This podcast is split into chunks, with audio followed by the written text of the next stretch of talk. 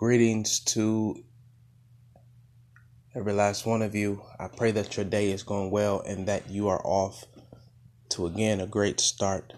As we enter this holiday season, I'm simply reminded of this the, the severity or the, the significance of this season that we are currently in. It is more than just presents under a tree. It's more than Christmas carols. This season is more than a tree uh, or decorative uh, expressions. This this tr- this this current season is more so about the coming of God's promise through the Word becoming flesh in Jesus Christ.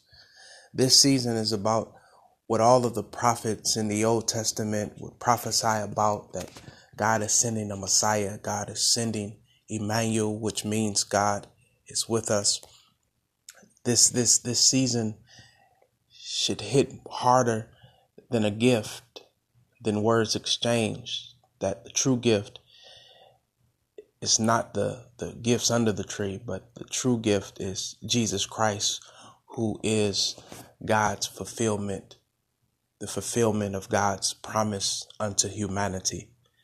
That when you go to celebrate this season, don't forget to celebrate the Son. The Son who